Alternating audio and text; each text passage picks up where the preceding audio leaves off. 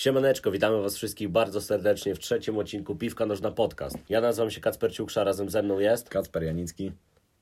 pierwsze piwo otwarta, więc rozpoczynamy pierwszy temat, a będzie nim spotkanie lidera tabeli Ligi Angielskiej, czyli Liverpoolu, który na swoim stadionie podejmował wicelidera i obrońcę tytułu, czyli Manchester City i pokonał ich 3 do 1.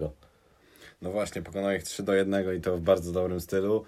E, Od pierwszych minut e, no, gra na najwyższym poziomie. Bardzo zawrotne tempo, z, e, od bramki do bramki biegamy. No i co, jest około piąta minuta i Bernardo Silva przeprowadza rajd w pole karne Liverpoolu. Odbija piłkę ręką, po czym tak jakby zgrywa sobie tą ręką, wrzuca w środek pola karnego i Trent Alexander-Arnold Arnold zagrywa ręką. No i właśnie tutaj mamy tak jakby pierwszą kontrowersję. No i co o tym sądzisz? Tak jak powiedziałeś, Bernardo Silva, który wpadł w pole karne, najpierw sam zagrał sobie piłkę ręką. Później ręka Aleksandra Arnolda wydaje mi się ułożona nienaturalnie, więc y, karny należałby się Manchesterowi City. No gdyby nie właśnie ręka jednego z ich zawodników. Portugalczyk wpadł w pole karne po zagraniu piłki ręką, dośrodkował piłkę, tutaj ręka Arnolda, y, sędzia nie gwizdże i Liverpool wyprowadza kontrę, która okazała się zabójcza. Szybko Liverpool przetransportował piłkę na połowę Manchesteru City. No i tam z 22 metra strzał Fabinho przy prawym słupku bramki Claudio Bravo i mamy 1 do 0. Anfield oszalało, spotkanie nabrało kolorytu.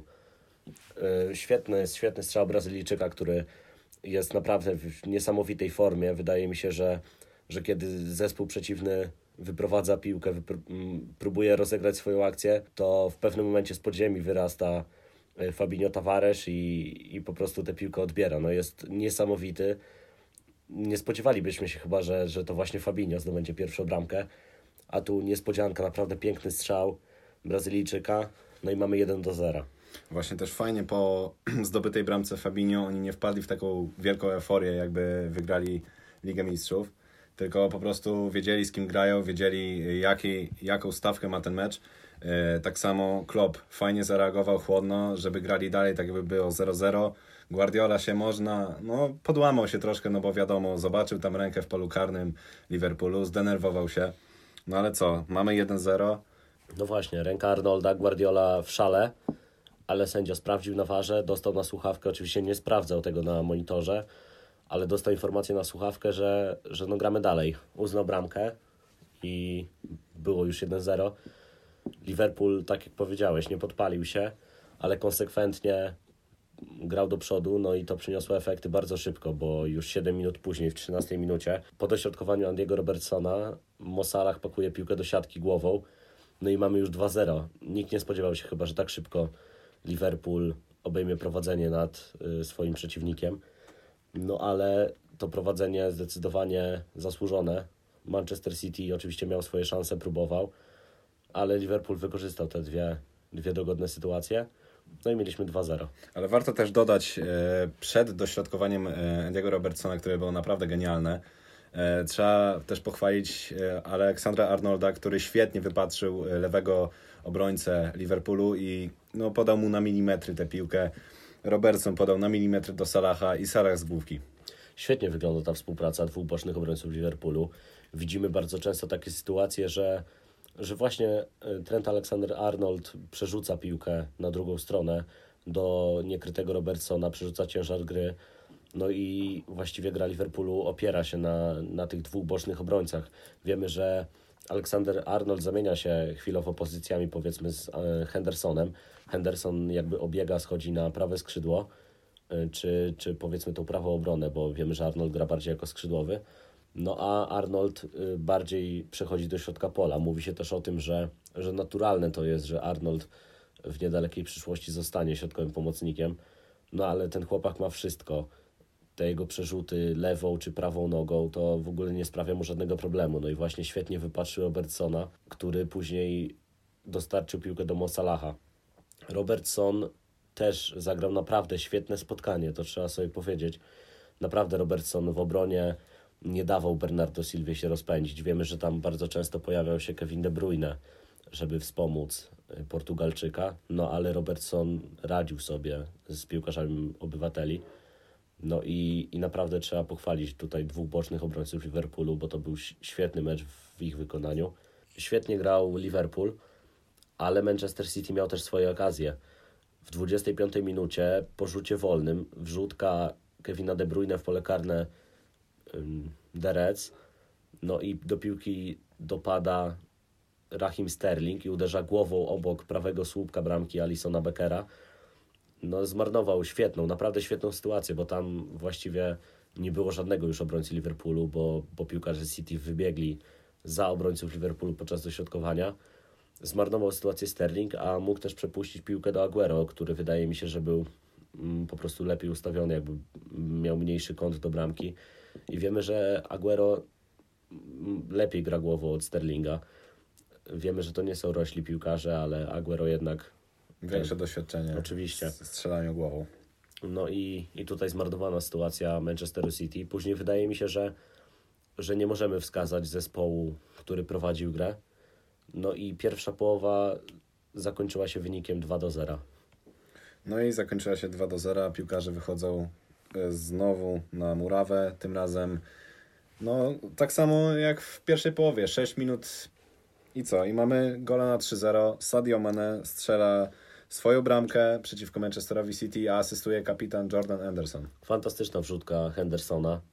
Naprawdę właśnie to, o czym mówiłem, jakby zajął pozycję Trenta Aleksandra Arnolda, był tam na prawym skrzydle. Nie spodziewalibyśmy się tego po nim, ale świetnie dryblował. Yy, dośrodkował piłkę w pole karne.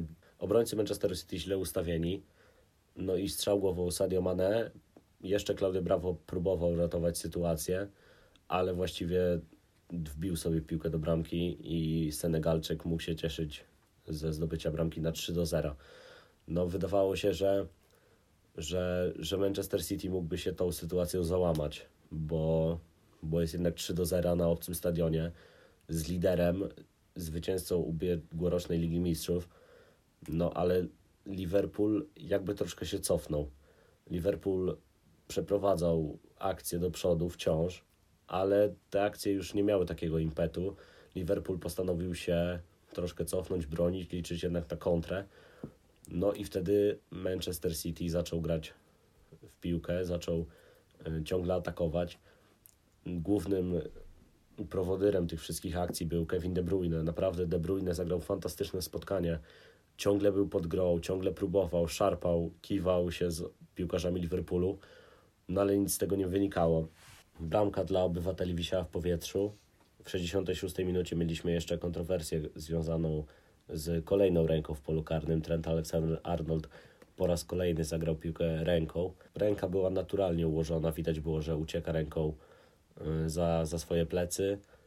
Tutaj arbiter konsultował się z wozem VAR, słusznie nieuznana jedenastka dla The Citizens i Manchester City wciąż atakował, nie poddawał się. Tam jeszcze jedna fantastyczna sytuacja Rahima Sterlinga, y, w której Y, uciekając z lewego skrzydła wszedł do środka. Zrobił coś w stylu Azarda za to dobrych lat w Chelsea.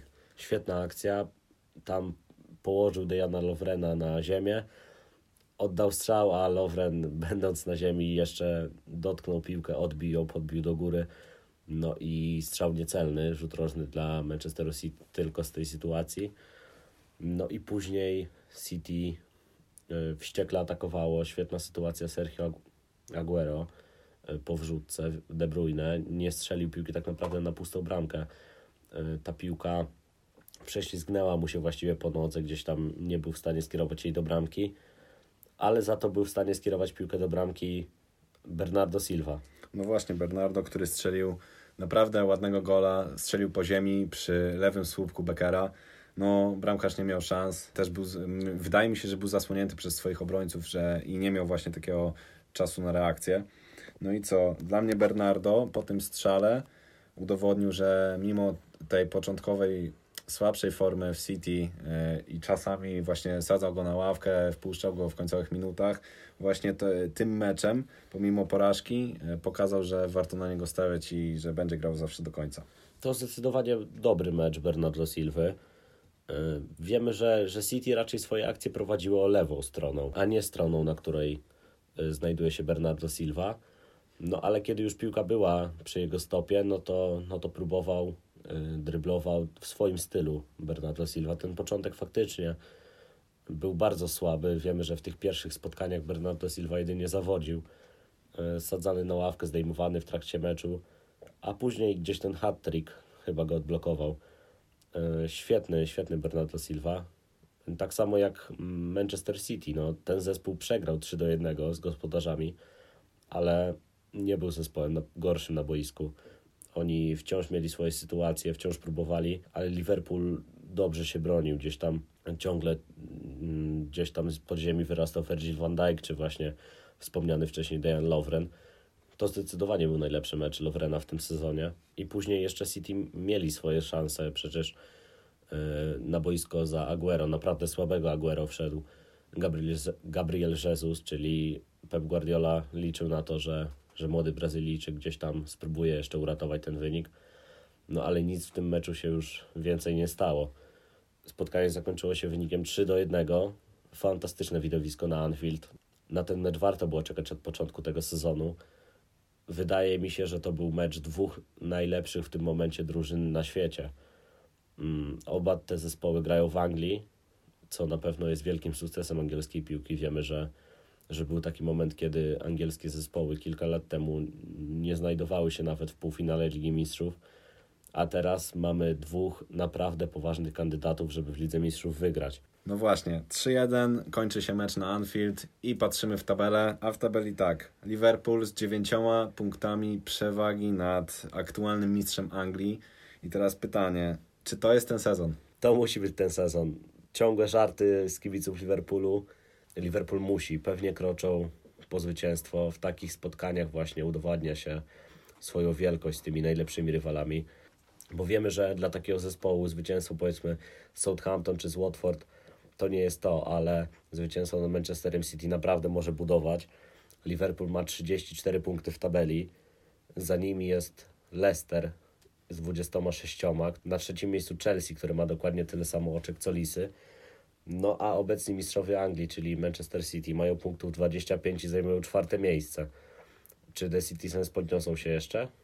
Mm, wydaje mi się, że Liverpoolu nie dogonią, czyli moja odpowiedź brzmi tak, że to jest sezon Liverpoolu, a City zajmie drugie miejsce, bo według mnie ten cały sezon zweryfikuje Boxing Day. Ta cała intensywność, e, ta cała no, szybkość tych rozgrywanych meczów i myślę, że Guardiola będzie miał dużo do powiedzenia jeszcze w tym sezonie. Mam wrażenie, że, że w tym sezonie dużo może właśnie zaważyć to, że Liverpool ma jednak trochę węższą kadrę od Citizens, bo wiemy jak tam sytuacja wygląda w niebieskiej części Manchesteru, gdzie na ławce siadają tacy piłkarze jak właśnie Gabriel Jesus czy Riyad Mahrez. Naprawdę Guardiola może sobie na wiele pozwolić, tyle że Guardiola ma duży problem w obronie, która jest najsilniejszym punktem Liverpoolu. Właśnie Laporte, absencja Laporte i przesunięcie Fernandinho. Fernandinho na środek obrony, no bo jak wiemy Otamendi i Otamendi no po prostu jest tragicznym środkowym obrońcą i aż strach, y, no strach na niego patrzy jak on jest przy piłce. Podobnie sytuacja wyglądała ze Stonesem, ale wiemy, że Stones też kontuzjowany, także, no także Guardiola ma tu problem.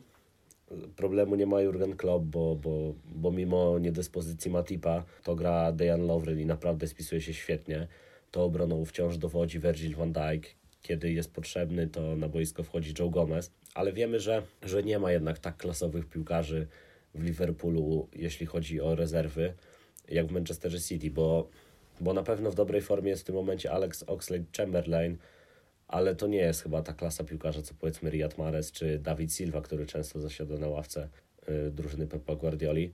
No i właśnie zgadzam się z tym, że że ten okres właśnie Boxing Day, ten, ten koniec grudnia będzie na pewno weryfikował to, czy zespoły będą w stanie sobie poradzić z dużą intensywnością, y, czy te kadry nie są za wąskie. No i, i wtedy porozmawiamy znowu o tym, czy, czy Liverpool da radę w tym sezonie wygrać. Myślę, że właśnie ten dzień będzie, że będzie naj, najważniejszy w ułożeniu tabeli Premier League. Ciężki brytyjski Guinness za nami, a teraz przechodzimy do lekkiego bawarskiego Witbira, jakim jest spotkanie Bayernu z Borusią. Bawarczycy na swoim stadionie podjęli przyjezdnych z Signal Iduna Park, ale nie byli dla nich gościnni i ograli ich aż 4 do 0. Już w 17 minucie Robert Lewandowski strzelił pierwszą bramkę. I wydawało się, że Borussia po bramce Roberta Lewandowskiego jeszcze próbowała, ale w 36 minucie przyszedł poważny problem. Właśnie, w 36 minucie został zmieniony Jadon Sancho, za niego wchodzi Rafael Guerreiro. No a Sancho prawdopodobnie jakiś uraz, który mu po prostu dokuczał i nikt nie chciał, żeby to się jakby pogłębiło, żeby to było, przeszło w poważną kontuzję. Także no, przegrywasz 1-0 na Allianz Arenie, schodzi twój no praktycznie najlepszy zawodnik w drużynie. Nie wiem, jakie ty masz morale wtedy. Nie wiem, co, nie wiem, co czujesz, nie wiem, co masz w głowie. No faktycznie, Jadon Sancho razem właściwie z Marco Reusem, kiedy ten jest zdrowy, ciągnął zespół z Dortmundu. No a tutaj już w 36 minucie stracili swojego najlepszego piłkarza. No i Bayern ciągle kontrolował grę. Tak naprawdę Borussia w tym spotkaniu nie miała nic do powiedzenia. Skończyła się pierwsza połowa wynikiem 1 do 0. Zaczęła się druga połowa, a wraz z nią kolejne problemy Borussii Dortmund. Już w 47 minucie Serge Gnabry podwyższył na 2 do 0. No i wydawało się, że zespół z Dortmundu w tym spotkaniu nie będzie miał już kompletnie nic do powiedzenia. Bayern wyglądał na pewny siebie, zdecydowany. Widać, że to odejście Niko Kowacza jakoś wpłynęło na Bawarczyków e, pozytywnie. E, zespół Hansa Dietiera Flicka e, wyglądał naprawdę pewnie. Może zadziałał tak zwany efekt nowej miotły, że nie ma trenera, z którym zespołowi szło nie najlepiej. No i może piłkarze zmobilizowali się, żeby pokazać, że po ostatniej e, dramatycznej porażce są w stanie rozbić naprawdę trudnego rywala e, na swoim terenie i Bayern kroczył pewnie po swoje. Właśnie, Bayern kroczył pewnie po swoje, aż w 76 minucie po raz kolejny Robert Lewandowski wpisuje się na listę strzelców. No i co, mamy 3-0, deklasacja na Allianz Arenie. Bayern pewny siebie, Bayern jak za Jupa Henkesa. No i aż chce się oglądać taki Bayern. 4 minuty po bramce lewego Mats Hummels pakuje piłkę do swojej bramki. Można było złośliwie powiedzieć, że Hummelsowi już pomyliły się drużyny, bo wiemy, że, że miał też epizod swój przecież w Bayernie Monachium, dosyć długi epizod. No i, i strzelił dla Bawarczyków bramkę, tyle że nie w barwach Bawarczyków. No i zrobiło się 4 do 0. 10 minut przed końcem spotkania Borussia wyglądała fatalnie, Bayern Wydawało się, że może jeszcze zdobyć kilka bramek, no ale na tym się skończyło. No właśnie, mówisz, że Borussia wyglądała fatalnie i tutaj przytoczę e, dwa nagłówki niemieckich sportowych gazet, takich jak Bild, który pisze Dortmund zdemolowany i Kicker, zabawa w kotka i myszkę. Lewandowski, Gnabry i spółka upokorzyli BVB. Zdecydowanie upokorzyli BVB które w tym spotkaniu nie oddało ani jednego celnego strzału. Jeśli nie oddaje się celnych strzałów, to spotkania wygrać nie można. Bayern oddał tych strzałów y, aż 18, z czego celnych było 5, no i wygrał 4 do 0. No to pokazuje tak naprawdę niemoc Borussii z przodu. Nie ma tam w tym momencie napastnika, który byłby w stanie zapewnić naprawdę y, sporą ilość bramek. No ale to nawet chyba nie chodzi o o to, jak ten zespół gra z przodu. Ten zespół w ogóle w tym spotkaniu nie wyglądał. Ten zespół od obrony przez pomoc aż do ataku był po prostu kompletnie słaby. Nic nie mogli tak naprawdę zrobić i to wykorzystali właśnie Lewy i Spółka. Lewy, który w tym sezonie Bundesligi ma już 16 bramek. To jest niemożliwy wynik, będący w fantastycznej formie Timo Werner, który jest zalewym w klasyfikacji strzelców, traci do niego aż 5 bramek. To jest po prostu niemożliwe to, co robi nasz zawodnik. To jest fantastyczny wynik. Lewemu brakuje już tylko dwie bramki w klasyfikacji wszechczasów, jeśli chodzi o strzelców Bundesligi. Lewy myślę, że w przeciągu dwóch spotkań już wyprzedził Pachenkesa. Następny w kolejce jest Fischer, który ma 268 bramek. No wydaje mi się, że Gerd Müller, który strzelił w swojej karierze 365 bramek dla Bayernu Monachium, jest nie do dogonienia, ale Henkes na pewno już y, myślę w najbliższych tygodniach. No i jeśli Lewu trzyma taką formę przez y, najbliższe lata, to Fischer, Fischer też będzie mm, myślę przez lewego y, pokonany. Jak już jesteśmy w tematach ciekawostek, to chciałbym tutaj odnieść się do Borussii, która w ostatnich pięciu wyjazdowych meczach z Bayernem ma bilans 2-20. No taka drużyna, która naprawdę walczy z Bayernem e, co rok o to mistrzostwo. No i właśnie przychodzi co do czego, czyli wyjazd e, do Bawarczyków. No i jest deklasacja. Pamiętamy czasy, kiedy Borussia Dortmund była w stanie postawić się Bayernowi w bezpośrednich pojedynkach. E, wtedy w drużynie z Dortmundu grali jeszcze trzej Polacy, czyli Piszczek, Błaszczykowski i Lewandowski. Myślę, że te czasy już nie powrócą, no bo, bo tak naprawdę Bayern ciągle się wzmacnia, a Borussia tak naprawdę wydawałoby się, że się wzmacnia, ale to nie przynosi żadnych efektów.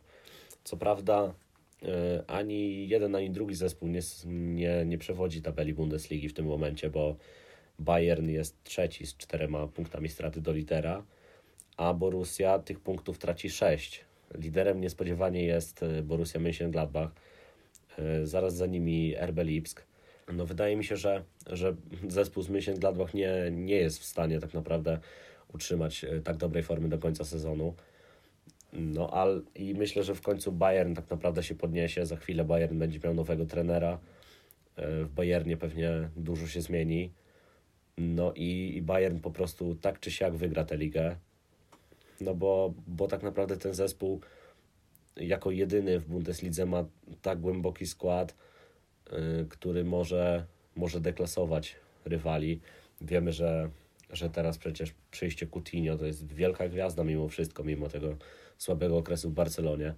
Mają najlepszą dziewiątkę na świecie, czyli Roberta Lewandowskiego. W bramce Manuel Neuer, który z pewnością znalazłby się w top 5 bramkarzy na świecie. No ten zespół ma wszystko, żeby wygrać Bundesligę. No i, i wydaje mi się, że teraz właśnie będzie Bayern się podnosił z kolan. No a Borussia, no zobaczymy, może to spotkanie z Bayernem było po prostu takim wypadkiem, może Bayern jest przeciwnikiem, który kompletnie nie leży Dortmundczykom, co potwierdzają oczywiście statystyki.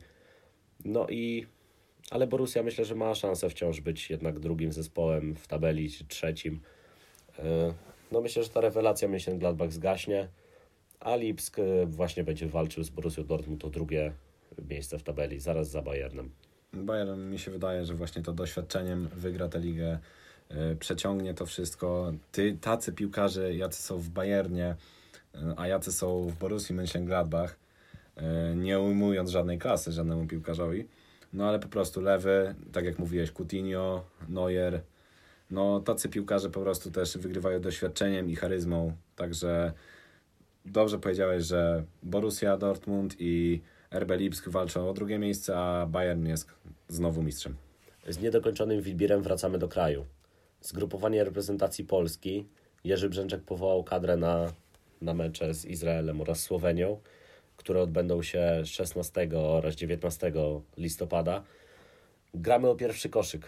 Taki jest cel naszej reprezentacji.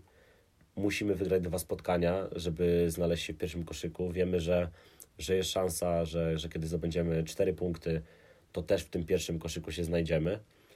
No ale to jest zdecydowanie cel numer jeden. Cel numer jeden, dlatego że myślę, że Polacy w obecnej formie nie chcą grać y, z Holandią czy Hiszpanią, no bo wiemy, że są w pierwszym koszyku. Musimy za wszelką cenę wygrać te dwa spotkania. W pierwszym koszyku przecież są też Włosi, Belgowie. To jest y, naprawdę, to są naprawdę zespoły, z którymi nie chcielibyśmy zagrać na Euro. Wiemy, że losowanie już 30 listopada. To będzie dziwne losowanie, bo, bo możemy poznać tak naprawdę tylko dwóch rywali grupowych bo wiemy, że tam jeszcze będą rywale z baraży Ligi Narodów, także możemy poznać jedynie dwóch rywali. Wiemy, że w tym losowaniu też y, będą różne dziwne sytuacje. Na przykład Ukraina nie będzie mogła zagrać z Rosją z powodów politycznych. Tutaj niestety świat polityki wkracza do świata piłki y, i, i nie pozwoli ani jednemu, ani drugiemu zespołowi zmierzyć się ze sobą. W pierwszym koszyku są w tym momencie przed spotkaniami reprezentacji są Chorwaci, Holendrzy, y, Belgowie, Włosi, Hiszpanie oraz Ukraińcy. Ukraina w fantastycznej formie. Myślę, że z nimi też nie chcielibyśmy grać. W drugim koszyku za to na razie Polska, Anglia, no to i Niemcy to są chyba najsilniejsze zespoły z drugiego koszyka. W trzecim możemy znaleźć Francuzów, co ciekawe, czy Portugalczyków no nie chcielibyśmy grać tak naprawdę żadną z tych reprezentacji, ale musimy się przygotować na to, że, że na któryś z tych zespołów będziemy musieli zagrać. Czy to będą Francuzi, czy Portugalczycy, y, czy może nawet Anglicy. No, na Euro nie będzie łatwych spotkań. Wydaje mi się, że, że ewentualnie któryś zespół z czwartego koszyka, może z trzeciego, na przykład Irlandia, jeśli znaleźliby się z nami w grupie, to nas ucieszy. No ale teraz najważniejszy sprawdzian przed Euro, koniec eliminacji. Y, zagramy z Izraelem na ciężkim terenie. Wiemy, że, że w Izraelu teraz y, dużo się dzieje. Wiemy, że tam znowu polityka y, bierze górę. Tam ostrzały y, ze strefy gazy, tam wojna z Palestyną. Była szansa, że nasza reprezentacja w ogóle nie pojedzie na mecz do Izraela. No ale jednak zdecydowano, że, że 15 nasi reprezentanci wylatują z kraju, a 16 zagramy tam mecz. E, niebezpieczny teren pod względem politycznym, ale też wydaje mi się, że niebezpieczny pod względem piłkarskim. E, Izrael nie będzie łatwym przeciwnikiem, mimo że zwyciężyliśmy z nimi u siebie 4 do 0. No ale to spotkanie trzeba wygrać. Trzeba to spotkanie wygrać i właśnie ten teren mi się wydaje, że też może być ciężki, bo nie, nie często mamy okazję zagrać właśnie w Izraelu. No i zobaczymy, jak to Polacy się zmobilizują, zaaklimatyzują e, i żeby mieli przede wszystkim w głowie wygranie spotkania, a nie właśnie jakieś na przykład na tle politycznym obawy, że będzie jakiś ostrzał czy, czy coś w tym stylu. No właśnie, tutaj e, sytuacja jest na pewno nieciekawa, bo, bo Zbigniew Boniek zapewnia, że, że wszystko będzie ok, no ale nie wiemy, co się stanie. E, Polacy miejmy nadzieję, że wyjdą bez szwanku z tej podróży, że tam po prostu będziemy mieli jedynie piłkarskie emocje. E, no i te piłkarskie emocje zakończą się naszym zwycięstwem. Jestem bardzo ciekawy tego, e, jaki zespół wystawi Jerzy Brzęczek. Wiemy, że do reprezentacji wraca Łukasz Piszczek. Właśnie, to... właśnie wraca Łukasz Piszczek, ale niestety na mecz, tylko na mecz ze Słowenią, a chcielibyśmy jak najdłużej, bo naprawdę jego forma jest fenomenalna jak na jego wiek i na to, że cały czas jest w pierwszym składzie Borussii Dortmund. Tam chyba 30 minut dostanie Piszczek e, Około, na tak. Narodowym. No a z Izraelem myślę, że wyjdziemy ustawieniem takim jak na ostatnie spotkanie, czyli w bramce Wojciech Szczęsny, od prawej Bereszyński, Glik, Bednarek i prawdopodobnie Arkadiusz Reca. No nie wiemy co z Krychowiakiem. Właśnie, Krychowiak e, w ostatnim meczu ligowym e, nabawił się kontuzji E, a mianowicie wstrząsienie mózgu, które okazało się na początku poważne, ale Grzesiek sam nawet na Twitterze powiedział, że chłopaki, e, nie grajcie beze mnie, wracam do Was do kadry. No ale zobaczymy, żeby to też e, nie pogłębiło się ten uraz i żeby Grzesiek po prostu na euro pojechał cały zdrowy. Pod znakiem występu, pod znakiem zapytania występ Grzegorza Krychowiaka. Myślę, że, że jeśli Krychowiak zagra w tym spotkaniu, to, to zagra też Góralski za plecami Krychowiaka. Z prawej możliwe, że Frankowski, chociaż wiemy, że tam, e, tam gdzie gra Frankowski, czyli w Stanach Zjednoczonych, sezon się już zakończył, więc Frankowski trenował indywidualnie na zgrupowaniu. E, przyjechał kilka dni wcześniej, e, kilka dni przed swoimi kolegami z reprezentacji. Z lewej strony zapewne Grosicki, no i z przodu pewnie Piotrek Zieliński, a za jego plecami Robert Lewandowski, bo wiemy, że, że niestety nie zobaczymy w tych dwóch spotkaniach Arkadiusza Milika z powodu jakiejś... Kolejnej kontuzji, e, tym razem mięśni brzucha? Coś tak, takiego. ta kontuzja chyba od jakiegoś czasu doskwierała Milikowi, no i niestety musiał opuścić zgrupowanie. Myślę, że nie piątek, e, bo, bo wiemy jak wygląda obecnie forma El Pistolero z Milanu.